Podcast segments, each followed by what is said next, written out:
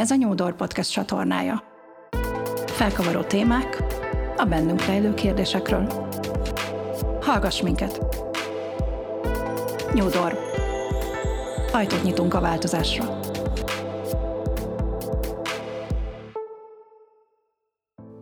Nagyon sok szeretettel köszöntelek benneteket itt a karantéma mai adásában, amelyben a boldogságról fogok beszélni. Ha követitek a tartalmaimat, a megjelenéseimet, és látjátok, hogy a médiában, tévében, rádióban mostanában elég sokszor szerepelek, akkor azt is tudjátok, hogy mi az a téma, amivel kapcsolatban engem mostanában a legtöbbször hallani vagy látni lehet. Ez a téma boldogság. Szeretnék néhány olyan dolog, dologról beszélni ennek kapcsán, ami egyrészt nagyon személyes, másrészt kicsit előre mutat, és még a, a jövőben megjelenő Boldogság könyv című könyvemnek a részleteiről is szól. Alapvetőleg nem szeretek valami olyanról beszélni, ami még nincs itt, és amit még kézzel nem lehet megfogni. De mégiscsak úgy érzem, hogy mivel a témáról nagyon sokat beszélek mostanában, itt az idő, hogy picit a saját nézőpontjaimat is megvilágítsam a téma kapcsán. A könyv egyébként már a létrehozásának azon szakaszában tart, ahol finomítani, illetve kiegészíteni szükséges a benne leírtakat, de természetesen még hosszú az út odáig, hogy azt tudja mondani, elkészült, hiszen a könyvnek egy igen sajátos felépítését terveztem. Ez a felépítés egyébként valahogy úgy néz ki, ha el tudjátok képzelni, mint, és ha szeretitek mondjuk a srekket, akkor tehát úgy néz ki, mintha a hagyma héjairól beszélnénk. A legkülső héj az, az egy olyan tudományos megközelítés minden téma kapcsán, amiben konkrét kutatást hozok, bemutatom, hogy a tudomány mit gondol az adott boldogság aspektusáról, hiszen a könyv 28 boldogság aspektust sorol majd fel, azaz minden egyes fejezet egy-egy aspektusról szól. A fejezet tehát, minden fejezet tehát valamilyen tudományos megközelítéssel kezdődik. Aztán ahogy haladunk befelé a hagyma közepe felé, a második héjunk, az már egy konkrét eset tanulmány lesz. Hozok majd olyan tanulmányokat, olyan eseteket, olyan megtörtént eseményeket vagy történeteket, amelyeknek a részese voltam, természetesen többnyire coachként, vagy trénerként, vagy szervezetfejlesztőként. Aztán ahogy megyünk beljebb, elérkezünk ahhoz a héjhoz, ami már arról szól, hogy nekem szakértőnek, tehát szakértőként mi a véleményem az adott aspektusról, mit gondolok az adott témáról, és a legbelső héj lesz az, az az úgynevezett mag, ami pedig már feltárja, hogy bennem, mint mint magánszemélyben, mint emberben milyen gondolatok merülnek fel az adott boldogság aspektussal kapcsolatban. A könyvnek egyébként rengeteg uh, izgalmas uh, nézőpontja van, és uh, hogy egy kicsit beavassalak benneteket, elmondok néhány olyan témát, ami természetesen nem az összeset, ami, ami majd biztosan megtalálható majd a könyvben. Fogok beszélni a boldogságnak azon aspektusairól, amiről nem szoktunk általában beszélni, hiszen a boldogságnak van ritmusa, van evolúciója, van költészete, de egyébként matematikája, tudománya természetesen úgy szintén van, félelme, áldozata, illúziója, és szabadsága, szűkmarkusága, szűklátókörűsége is van, sőt, vannak olyan boldogság aspektusok, amelyek a különböző szerepeinkhez köthetők, például a szülői szerepünkhöz, a vezetői szerepünkhöz, de van a szervezeti boldogságról is egy fejezet, a társadalom boldogságát is kicsit jobban kibontom, és vannak olyan, olyan egyéb aspektusok, amelyek sokkal inkább kevésbé megfoghatók, így dobozolt boldogságról fogok például beszélni, vagy a személyre szabott boldogságról. Van egy olyan fejezet azonban, amit ebbe a mai podcastbe külön elhoztam nektek, hiszen erről már nagyon sokat kérdeztek engem tévében, rádióban, és elég sokszor előveszem én is. Képzeljétek el, hogy most, ahogy felveszem ezt az adást, itt van előttem egy kis cetli, amire annak idején, amikor rájöttem, amikor rátaláltam, akkor fel is írtam ide magamnak, és ezt a cetlit, ezt mindig magamnál hordom. Ez pedig nem más, mint a boldogság ötös fogata. Múltkoriban kérdezte valaki tőlem, hogy tényleg csak öt, egy ötös fogat létezik, hogy mindenkinek öt olyan alap eleme van az életben, olyan öt oszlop létezik, ami, ami megtartja, felépíti, megmutatja, láthatóvá teszi a személyes boldogságot. A válaszom erre természetesen ugyanaz, mint akkor volt. Nem. Az ötös fogatra egyébként saját magam egy belső munkám során jöttem rá, és lehet, hogy nektek, ha keresitek ezeket az alappilléreket, amik mindenképpen ott kell, hogy legyenek ahhoz, hogy boldogok legyetek, illetve a boldogságotoknak az úgynevezett alapkövei, akkor elképzelhető, hogy jóval többet is fogtok találni a magatok számára, de az is lehet, hogy csak egyet, kettőt vagy hármat fogtok találni. Nem az a lényeg, hogy hányan vannak. Az a lényeg, hogy vannak. Az a lényeg, hogy ami téged boldoggá tesz, vagy amivel te boldogát, boldoggá teszel másokat, úgy az életeddel kapcsolódóan a boldogságod alapköveiként meg tudod fogalmazni, az lesz az a fogat, ami majd téged ezen a boldogságnak nevezett úton visz téged tovább. Az én ötös fogatomról most engedjétek meg, hogy kicsit beszéljek. Az első lovacska ebben a lovas fogadban, hiszen valamiért, nem tudom miért, de lovak jelentek meg előttem, amikor, amikor megvizsgáltam magamban, hogy nekem mi a boldogság, mik a boldogság alapkövei. Hát nekem az az első lovacska, ez egy olyan szóval érkezett, ami így hangzik, független egy. A függetlenedésnek pedig elképesztő ereje van a számomra, hiszen mint mondhatnám, hogy a testvére a szabadságnak, ami az én életem egyik legfontosabb érzelmi motivátora. Függetlenedés azonban nagyon sokféle dolgot jelenthet, és egyértelmű, hogy mindenki számára, bár lehetnek közös pontok, de mást és mást jelentenek ezek a szavak. A független egy felszólítás számomra azt jelenti, hogy képessé váltam, vagy válok, vagy igyekszem képessé válni arra, hogy hogy eltávolodjak azoktól a nézőpontoktól, azoktól a befolyásoló tényezőktől, azoktól az emberektől, azoktól a környezeti hatásoktól, vagy azoktól a, a társaságoktól, amelyek rám vagy negatív hatást gyakorolnak, vagy megpróbálnak úgy hatást gyakorolni, hogy befolyásoljanak engem, rámerőltessék a, a saját nézőpontjaikat, a saját filozófiájukat, a saját szabályaikat, és ezekkel természetesen nem tudok egyetérteni, vagy nem tudok azonosulni.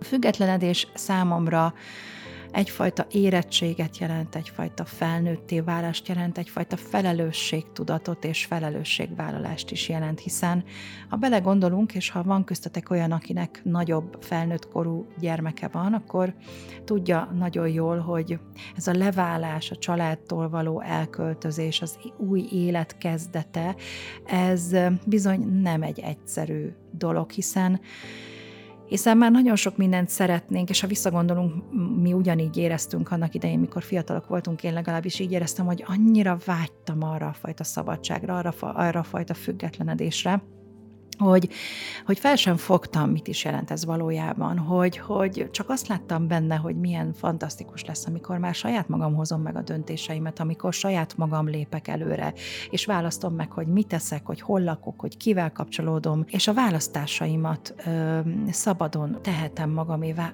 ugyanakkor arra meg nem gondoltam, hogy a függetlenedés majd hoz nehézségeket is. Hiszen ott, ahol te távol tartod magad bizonyos eszméktől, bizonyos emberektől, bizonyos helyektől. Ott számolnod kell azzal, hogy míg elköteleződsz egy olyan környezet, egy olyan filozófia, egy olyan barátság, egy olyan kapcsolat, stb. stb. mellett, amivel egyet tudsz érteni, egyet tudsz, együtt tudsz lélegezni vele, addig amitől eltávolodsz, vagy amitől távol tartod magad, vagy amitől függetlenedsz, az nem csak fizikailag távolodik tőled, hanem ott megjelenhet a térben azok részéről, akiktől távolodsz, egyfajta ellenségesség, egyfajta, egyfajta rosszallás, egyfajta negatív ítélkezés. És bizony én nagyon sokszor táncoltam. Ahogy így visszaemlékszem magamra, jobbra-balra lépegetve, hol az egyikben voltam, amiben jól éreztem magam, és függetlennek éreztem magam, de aztán, mikor visszakapcsoltam a másikhoz, akkor ott gyomorszorítással, torokszorongató érzéssel, de mégis megfelelni akarással voltam ott, és ez, és ez elképesztően elfárasztott.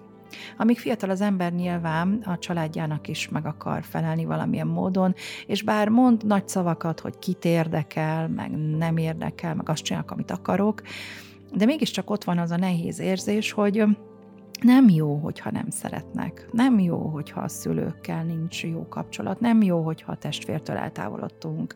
Nem jó, hogyha a korábbi baráti társaságtól el, elmentünk. És bár lehet, hogy köztetek vannak olyanok, és akkor ti tényleg szerencsések vagytok, vagy szerencsésebbek vagytok, mint én, hogy ti nagyon könnyen tudtok határt húzni, és könnyen, könnyen tudjátok meghatározni azokat a köröket, vagy inkább a múltamról beszélek, könnyebben tudtátok eltávolítani magatokat azoktól az emberektől, vagy azoktól a tényezőktől, amelyekre már nem volt szükségetek, amelyek már nem fejlesztettek benneteket, vagy, vagy amelyek már csak akadályoztak titeket.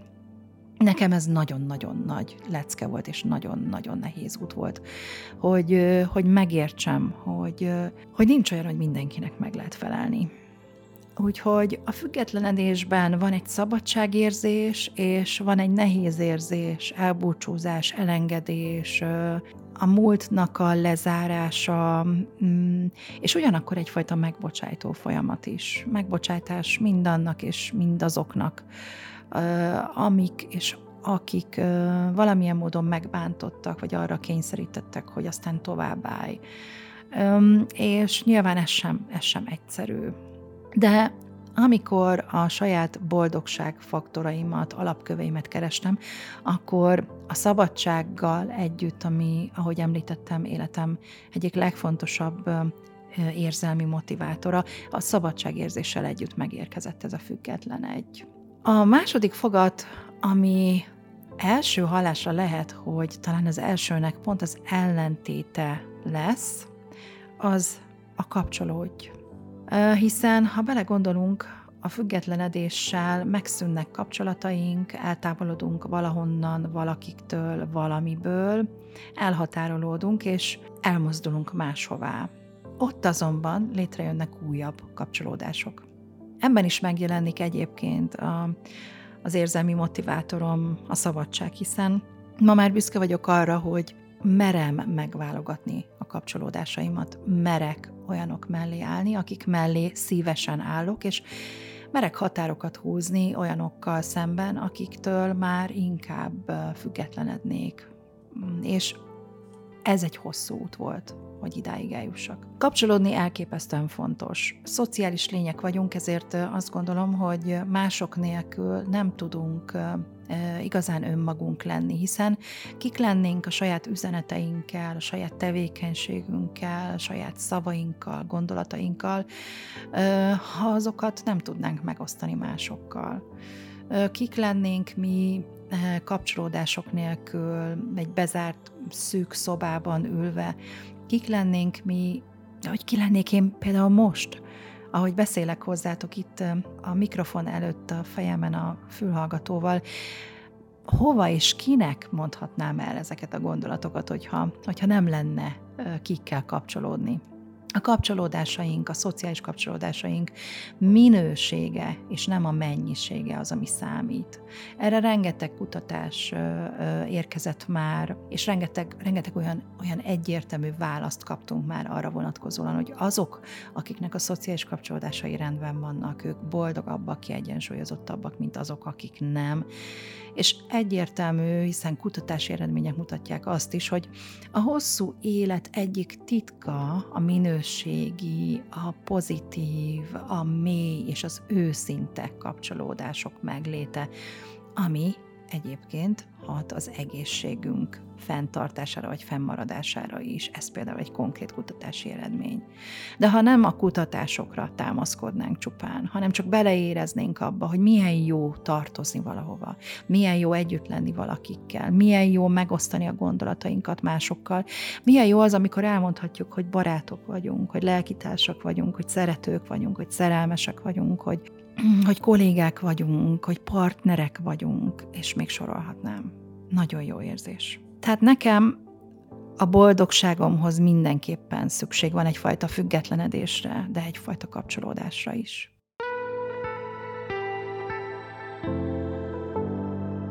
Ez a Nyúdor Podcast csatornája. Ebben az ötös fogadban, amit a saját magam számára találtam meg, mint boldogság alapkövei, a harmadikát hozva, az a szó érkezett, hogy adj. Azért felszólító módban érkeznek ezek, egyébként valamilyen módon rá is kérdeztem, hogy ez most miért így érkezik, mert szinte, mintha ilyen molinót látnék magam előtt, amelyen mottóként szerepel, ez az öt szó, mottóként szerepel felkiáltó jellel, hogy mindig tartsam szem előtt, hogy ezek mennyire, mennyire, mennyire fontosak a számomra. De visszatérve a harmadik paripához, az agyhoz, nem tudok, gyerekkorom óta azt érzem, hogy nem tudok eléggé boldog lenni, ha nem adhatok. És ez mindegy, hogy mi. Talán ezért is lettem segítő. Azért lettem segítő, azért lettem coach, tréner, szervezetfejlesztő, tanácsadó, mert, mert, mert valahogy mindig adni szerettem volna. Lehet, hogy szavakban, tanácsként, vagy egy ölelésben, vagy egy mosolyban, egy támogató mondatban, dalban, zenében, költészetben, írásban, de adni szerettem mindig nagyon.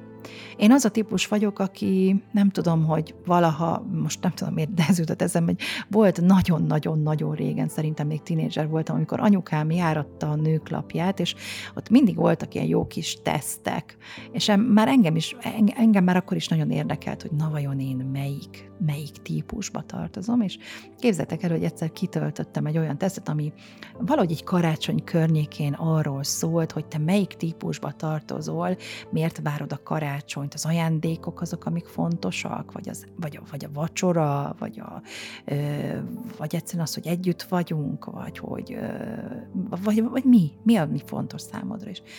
Képzeljétek, hogy már akkor is, és ez így most nagyon-nagyon élesen megjelent előttem, akkor is az a, a, arra mutatott, elsődlegesen számomra az volt a fontos a karácsonyban, hogy adok, hogy adhatok.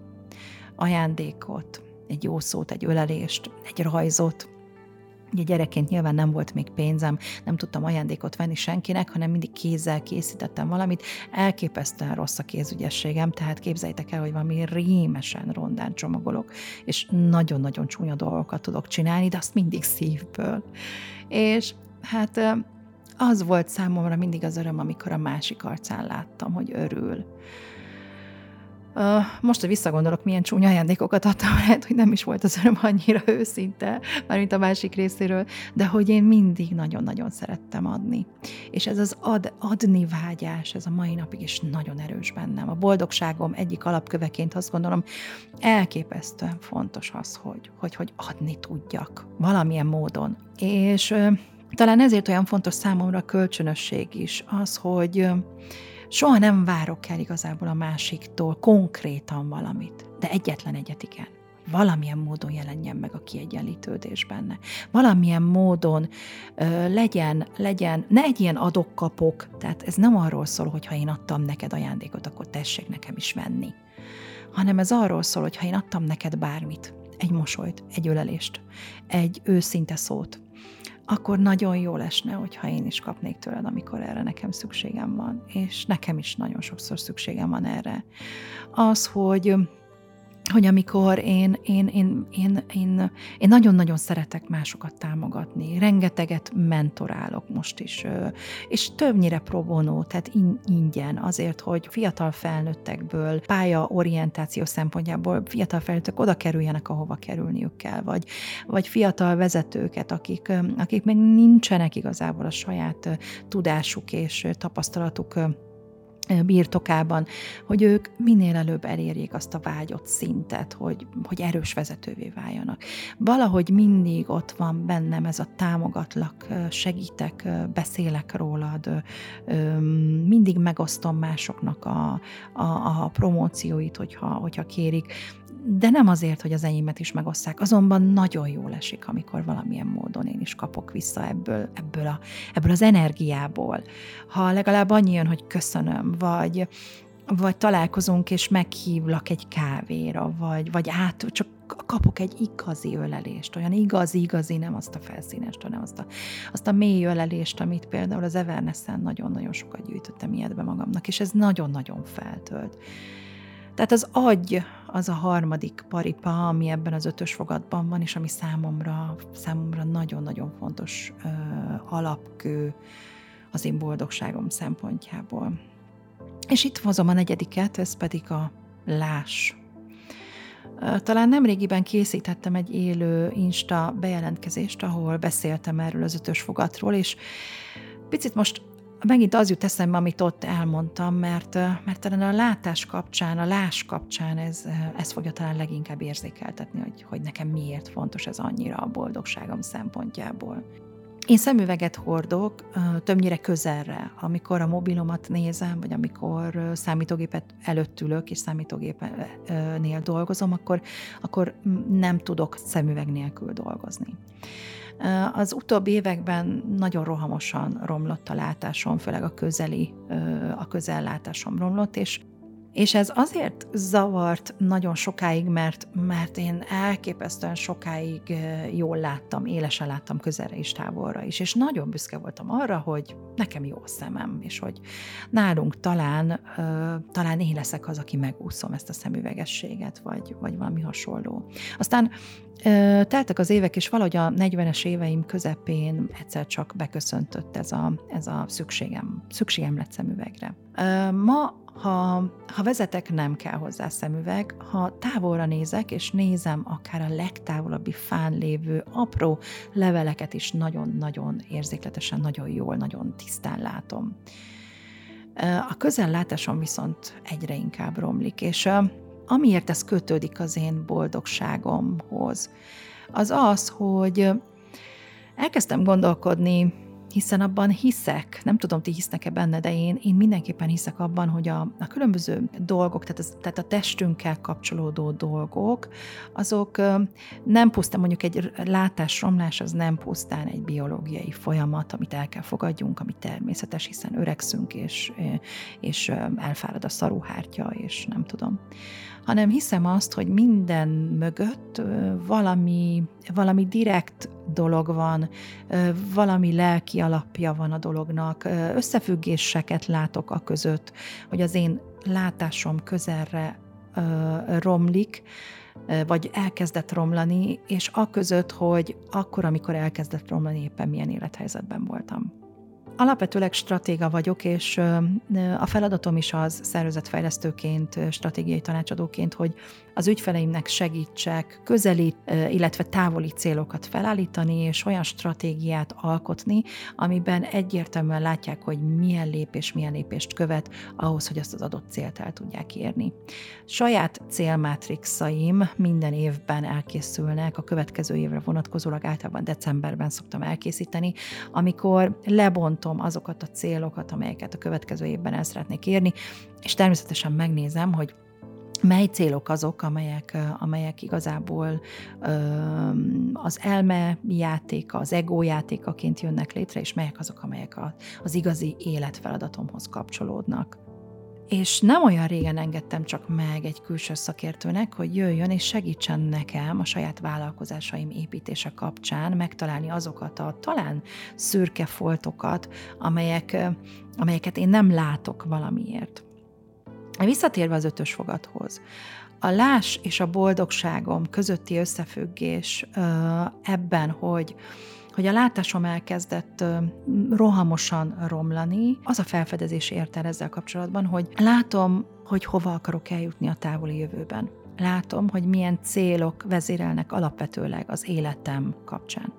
de sokszor az orrom hegyénél lévő dolgokat nem látom, vagy az elég közel lévő dolgokat nem látom tisztán.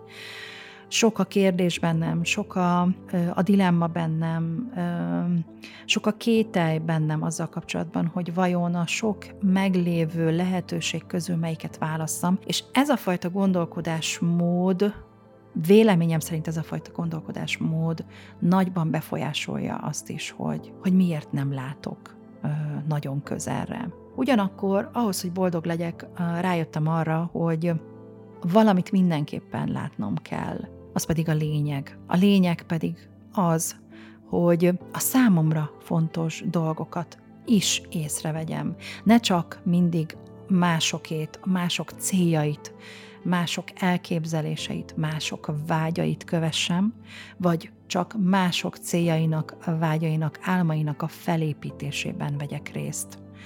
A saját márkám építése egyébként pontosan erről szól. Mondhatni ez egy küldetés. Küldetés arra vonatkozólag, hogy meglássam a saját igényeimet, azt, amit én akarok, és csak amentén menjek előre a saját márkám építése kapcsán, amit saját magamnak tűztem ki célul. Legyen ez közeli vagy távoli, legyen ez halványan látható, vagy elmaszatoltan látható, vagy élesen látható.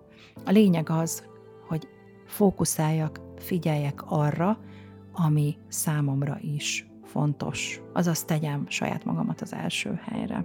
Ezt nagyon sokáig szabotáltam. Mondhatni, mintha ellenálltam volna annak, mintha szégyeltem volna azt, hogy létezik olyan, hogy van olyan, hogy, hogy akarhatok, hogy, hogy vágyhatok, hogy álmodhatok, és, és elővehetem ezeket a vágyakat, álmokat, és, és elkezdhetem megvalósítani őket. És nem szégyen saját magamat első helyre helyezni, hiszen tudjátok, ismeritek a példát, fent a repülőn is, azt tanácsolják, hogy ha bármi van, akkor a, a maszkot először saját magadra tedd, és utána a gyerekre, hogy tudj segíteni. Mert ha te, te elájultál, ha te kidőltél, akkor, akkor nincs kinek, akkor nem tudsz senkinek segíteni. Az utolsó ebből az ötös fogadból számomra, azaz a boldogságom ötös alapköveinek utolsója, az pedig a légy őszinte. Ha visszafelé megyünk, látni adni, kapcsolódni, és függetlenedni is csak őszintén lehet. Talán sokan vagyunk azzal úgy, hogy már halljuk belülről az őszinte hívást, már halljuk belül az őszinte hangot, már meg is értjük, hogy miről szól ez a hang, és belül megy ez a kis monológ, ami úgy szintén őszintén fogalmazódik meg. De nagyon sokan vagyunk, nagyon sokan vagytok, mert én már talán megyek ezen az úton, és egyre inkább engedem meg magamnak, tehát nagyon sokan, mondjuk, mondjuk így most, hogy ez így egyszerűbb legyen, nagyon sokan vagyunk, hogy kevésbé merjük még megengedni, hogy igazán őszinték legyünk kifelé is.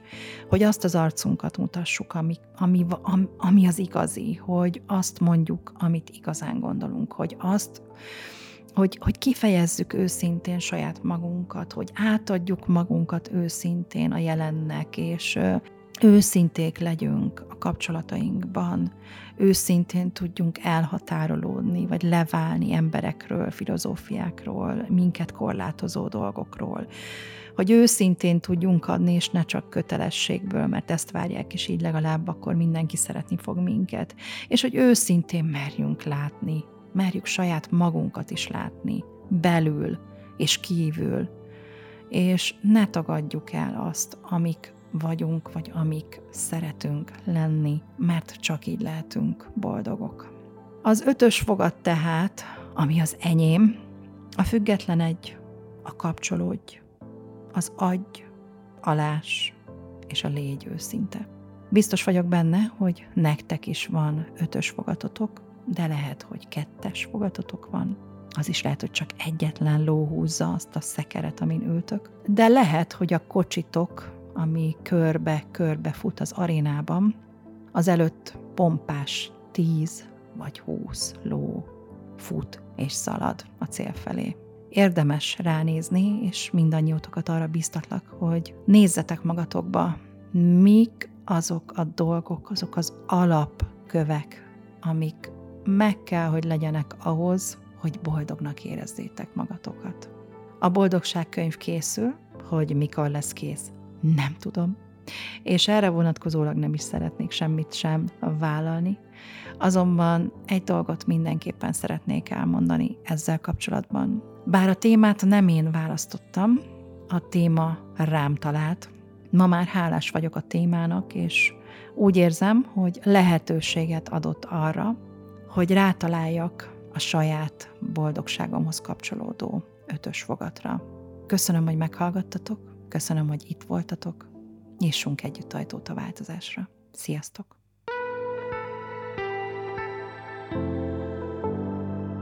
Ez a Nyúdor Podcast csatornája. Felkavaró témák a bennünk rejlő kérdésekről. Hallgass minket! Nyúdor. Ajtót nyitunk a változásra.